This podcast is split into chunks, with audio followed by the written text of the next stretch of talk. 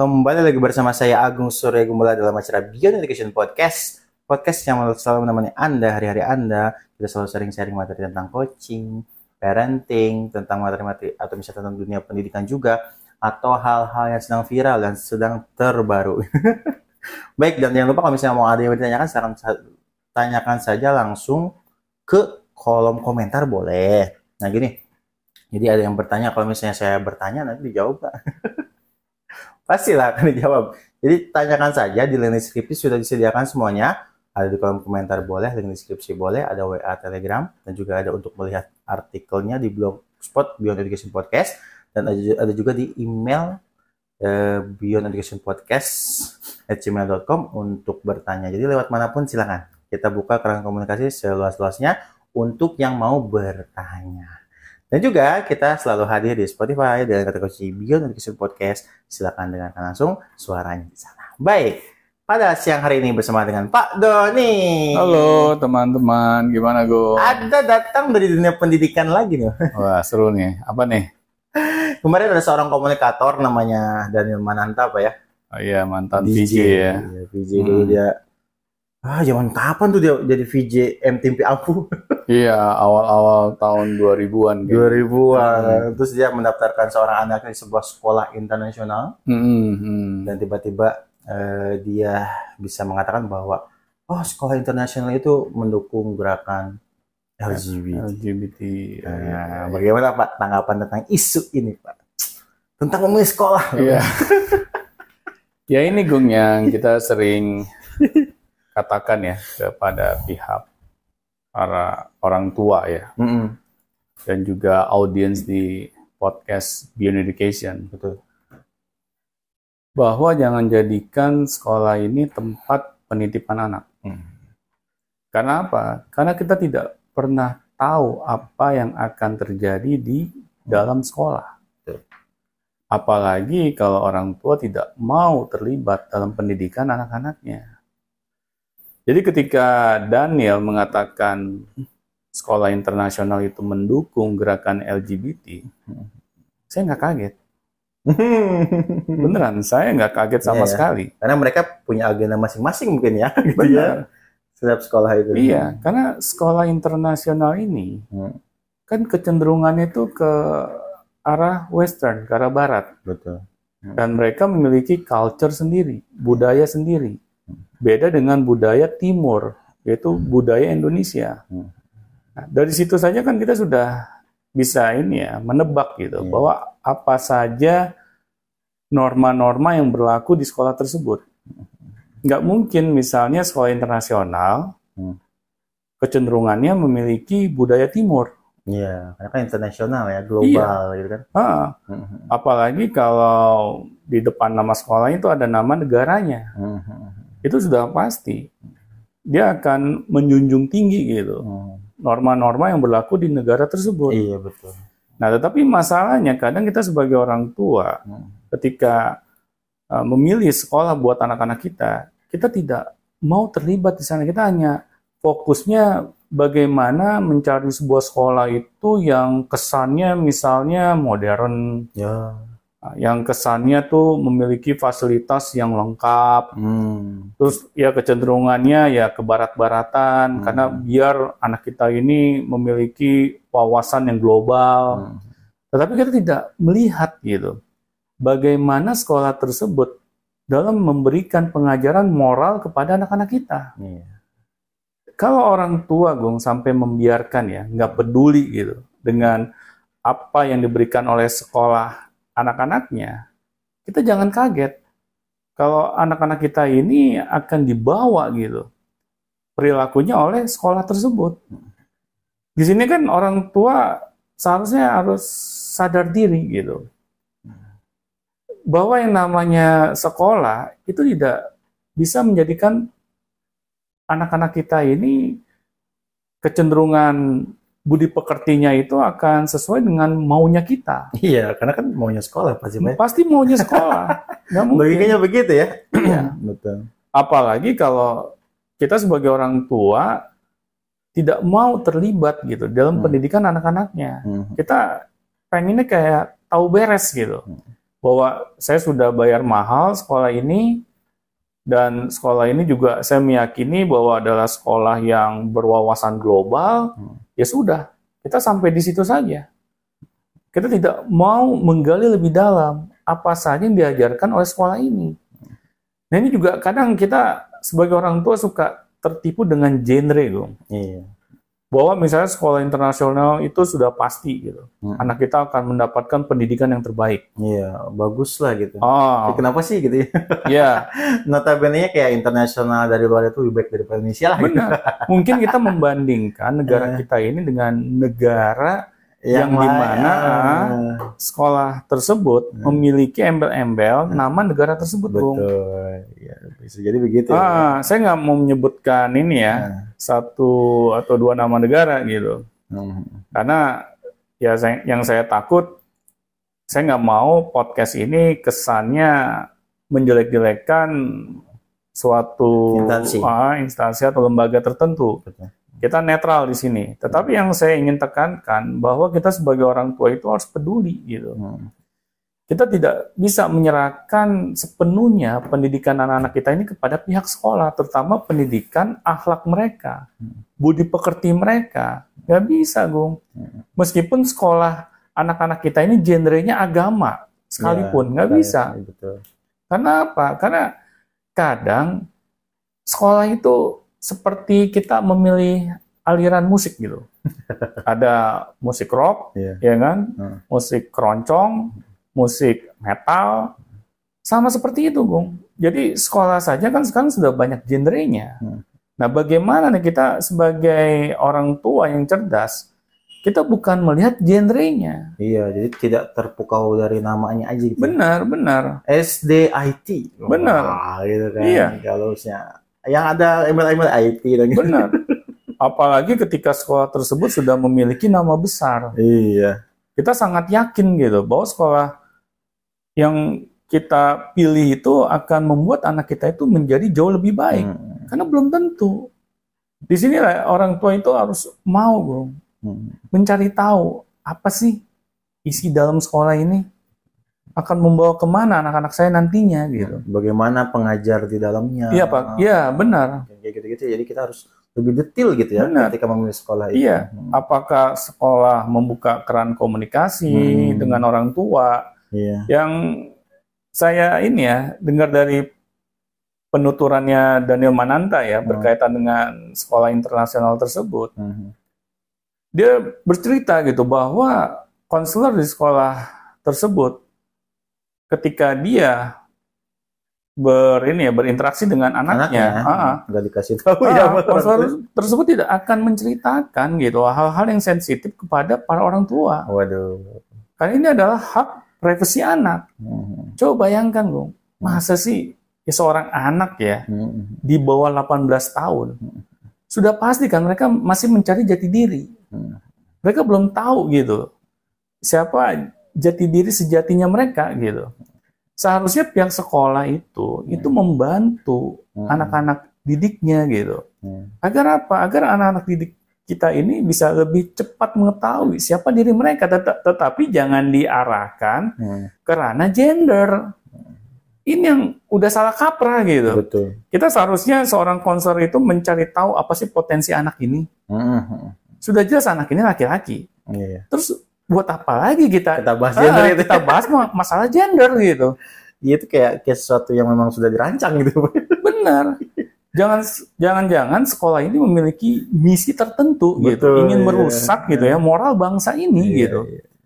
nah soalnya gini Gung yang namanya pendidikan ya terutama pendidikan untuk anak-anak hmm. itu kalau kita tidak berhati-hati ya hmm. itu dampaknya sangat signifikan loh buat masa depan anak-anak kita iya 17 tahun pertama itu kan penting banget benar benar di sini jangan sampai kita nggak peduli hmm. gitu. Kalau sampai anak kita dari usia mereka masih kecil ya hingga remaja mereka salah dalam hmm. menerima pendidikannya, waduh. Hmm, terutama nilai karakter ya pak ya. Pastinya nilai karakter gitu. Dasar-dasar itu bahaya banget. Iya. Sekebawah itu. Benar, benar, benar. Karena saya bingung gitu kalau ada sekolah hmm. yang memberikan kesempatan kepada anak-anak didiknya untuk menentukan gender mereka yang terbaik itu apa? udah aneh itu. Udah aneh gitu. Karena kan gender sudah jelas gitu ya. Yang namanya ada laki-laki, ada perempuan. Ya ini memang kadang di luar sana suka ini ya ada ya sedikit kesalahpahaman gitu mm -hmm. berkaitan dengan gender katanya beda dengan jenis kelamin mm -hmm. ya mm -hmm. jenis kelamin ya sudah bisa dipastikan laki-laki dan perempuan betul gender ini ternyata ada sebagian yang mengatakan bahwa ini adalah pola pilihan hidup mm. Ya misalnya seorang laki-laki bergaya perempuan, ah, bergaya perempuan, ya lebih hmm, feminin gitu. Betul. Seorang perempuan bergaya ah, laki. bergaya laki-laki. Iya iya. Nah itu saja sudah salah kaprah iya, gitu. Iya. Ya seharusnya kan laki-laki bergaya seperti laki-laki. Iya pada kodratnya lah gitu benar, ya. Benar benar. Hmm. So, seharusnya pihak sekolah itu mengarahkan ke sana. Hmm. Nah kamu ini adalah anak laki-laki nak. Hmm. Makanya kamu harus bergaya seperti laki-laki nak. Hmm. Bukannya nah, menyelewengkan iya, ya. Bukan kita membuat anak tersebut menjadi ragu apa gender mereka gitu kan. Nah ini kadang kita sebagai para pendidik itu nggak berpikir dewasa, Bung. Di, di sini makanya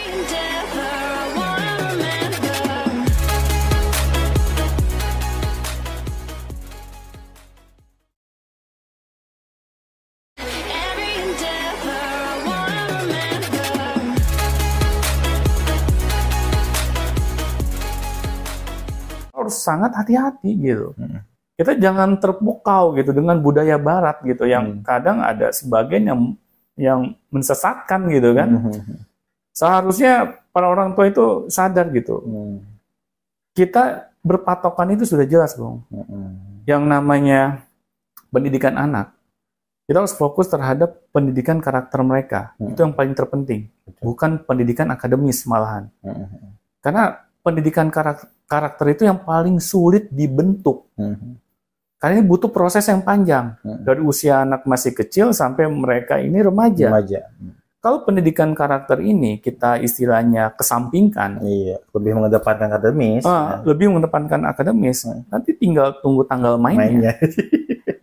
Kalau tiba-tiba anak kita yang laki-laki bergaya kayak feminin gitu, ya. Iya, iya. Nah, di sini kan akhirnya orang tua terkaget-kaget. Nah, kok bisa gitu? Ya, kok bisa gitu? Kok anakku laki-laki senengnya ngaca, pakai lipstick, pakai bedak gitu kan, main boneka Barbie gitu kan? Apakah kita mau sebagai orang tua melihat keadaan anak kita seperti itu? Iya, betul. Terus malah kita bilang wajar lah. Kan film Barbie lagi viral gitu. Nah, di sini kan kita mengacaukan gitu, hmm. ya potensi anak kita yang sesungguhnya. Hmm. Dia adalah seorang laki-laki yang seharusnya bergaya sebagai laki-laki, hmm. ya, menunjukkan kelaki-lakiannya. Hmm. Tetapi malah yang dia tunjukkan, ya, sisi femininnya. Iya, sikap-sikap femininnya. Iya. Hmm. Bagaimana kalau anak kita laki-laki ini ketika mereka dewasa, mereka bisa menjadi pelindung keluarganya, hmm. ya. Kan mau nggak mau anak kita juga hmm. kelak akan menjadi dewasa, ah, iya. dan dia menjadi seorang kepala keluarga. Kalau dia sangat feminin, jadi bagaimana itu? Ya, bagaimana dia bisa melindungi keluarganya, benar nggak? Apalagi kalau misalnya ketika anak kita sudah ini bergaya yang aneh-aneh gitu, uh-huh. kita sebagai orang tua membiarkannya. Hmm. Apakah kita tega gitu melihat masa depan anak-anak kita ini rusak gitu? Hmm. Yang seharusnya seorang anak-anak laki-laki itu bisa gitu ya menjadi uh, ya pelindung gitu hmm. bagi keluarganya gitu yang hmm. bertanggung jawab bagi keluarganya apakah itu mencari nafkah hmm. terus menjadi seorang role model yang baik gitu ya hmm. bagi keluarganya hmm.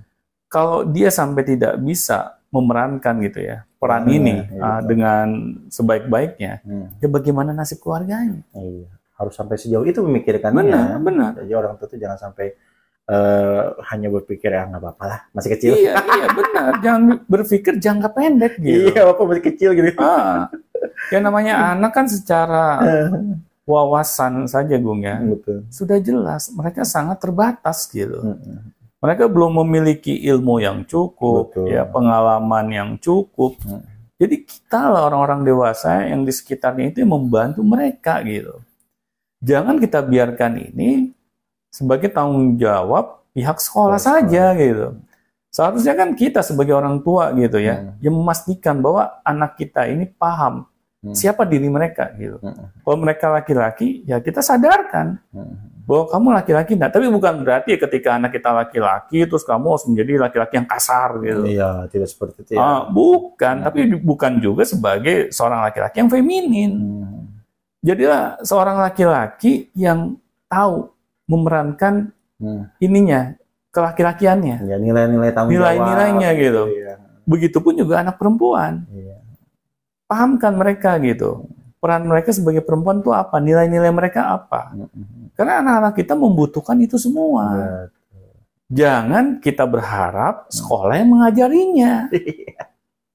Kebanyakan seperti itu. Nah, itu Orang tuanya fokus kerja, cari duit sebanyak-banyaknya. Iya, iya. Anaknya titipan sekolah berharap sekolah itu membuat anaknya menjadi hebat. Nah itu beneran ini yang saya sering terjadi itu bingung gitu makanya waktu pas si Daniel menceritakan hal ini semua udah nggak aneh itu saya nggak kaget iya, tuh iya. nggak kaget hmm. karena jujur aja sebenarnya bangsa ini gong itu sudah jelas kita memiliki budaya timur yang kuat gitu ya Betul.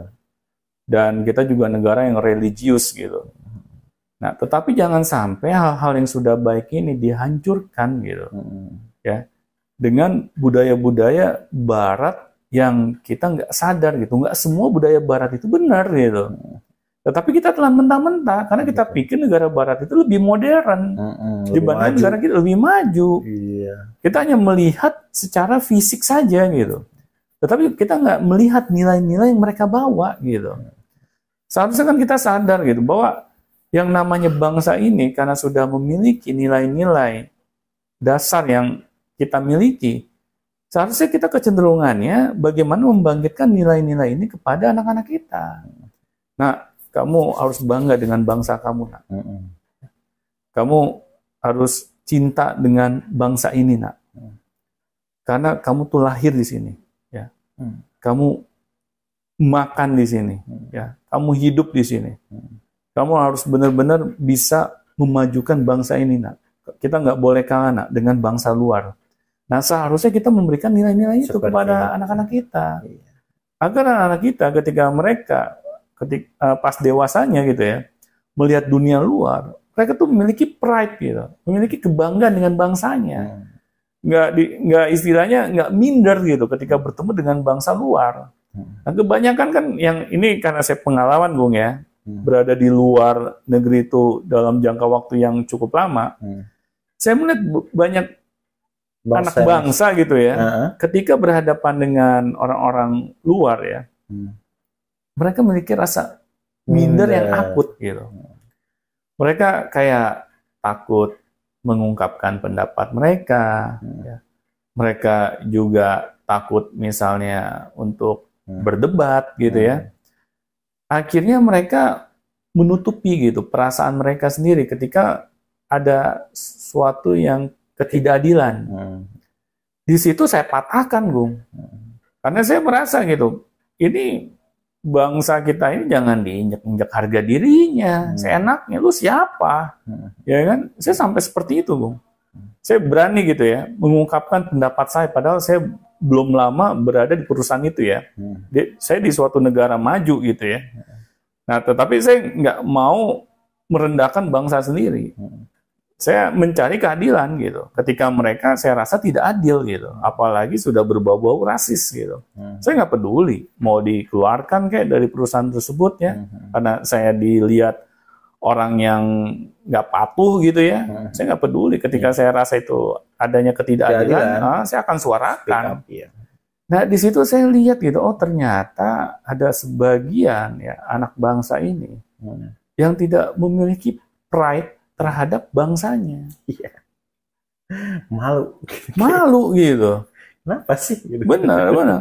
Kalau saya kebalikannya, tuh. Iya, iya. saya katakan saya orang Indonesia, saya bangga dengan bangsa sendiri. Meskipun ketika saya kasih tahu kepada mereka, hmm. saya adalah ini ya orang Indonesia mereka nanya Indonesia di mana taunya Bali taunya Bali gitu kan ya makanya saya jelaskan gitu yeah. tetapi saya nggak pernah malu bung saya malah bangga gitu yeah, yeah. saya malah ingin menunjukkan bahwa bangsa Indonesia ini adalah bangsa yang ramah hmm. ya secara culture gitu Jadi mereka ketika bertemu dengan orang Indonesia mereka senang. Hmm. Nah ini yang saya tunjukkan gitu, bukan kita ikut-ikutan culture-nya mereka nah, gitu ya. Bawa-bawa ya gitu. Dan ya. kita terbawa-bawa mereka. So soal barat-barat. itu konyol gitu. Kayak kesannya malah kampungan. iya, iya. Di sini kita harus menunjukkan gitu ya ke pada bangsa lain gitu. Hmm. Bahwa bangsa kita ini memiliki nilai-nilai luhur gitu iya. yang harus kita pertahankan gitu. Begitupun sekolahnya, Pak ya. Begitupun sekolahnya iya. gitu. Jangan kita sebagai orang tua merasa bahwa anak kita ini harus mengikuti perkembangan zaman, mm-hmm. tapi cara yang kita berlakukan buat anak kita adalah cara yang kurang tepat gitu. Mm-hmm. Nah jadi di sini Gung, mm-hmm. kita sebagai orang tua itu harus cerdas gitu. Mm-hmm. Ya seperti Daniel Mananta saja bilang ya, bahwa orang tua itu harus mau terlibat mm-hmm. ya, dalam pendidikan anak-anaknya. Iya. Jangan kita serahkan anak-anak kita ke pihak sekolah 100%. Mm-hmm. Terus kita berharap anak-anak kita ini bisa menjadi anak-anak yang sukses suatu saat kelak gitu. Hmm. Nah jadi pembelajarannya Gung, hmm. ayolah hmm. menjadi orang tua yang bijak. Baik, terima kasih Pak Doni atas sharing-sharing pada hari ini. Sangat menggebu-gebu. Iya, sangat menggebu-gebu. Udah gemas soalnya. Membahas bangsa gitu. Iya. Baik, siapa pun mau bertanya tentang sesi ini silahkan tanyakan saja di kolom komentar atau di link deskripsi yang sudah kita sediakan. Langsung saja tanyakan saja. Baik, sampai jumpa di Beyond Education selanjutnya. Sampai jumpa teman-teman.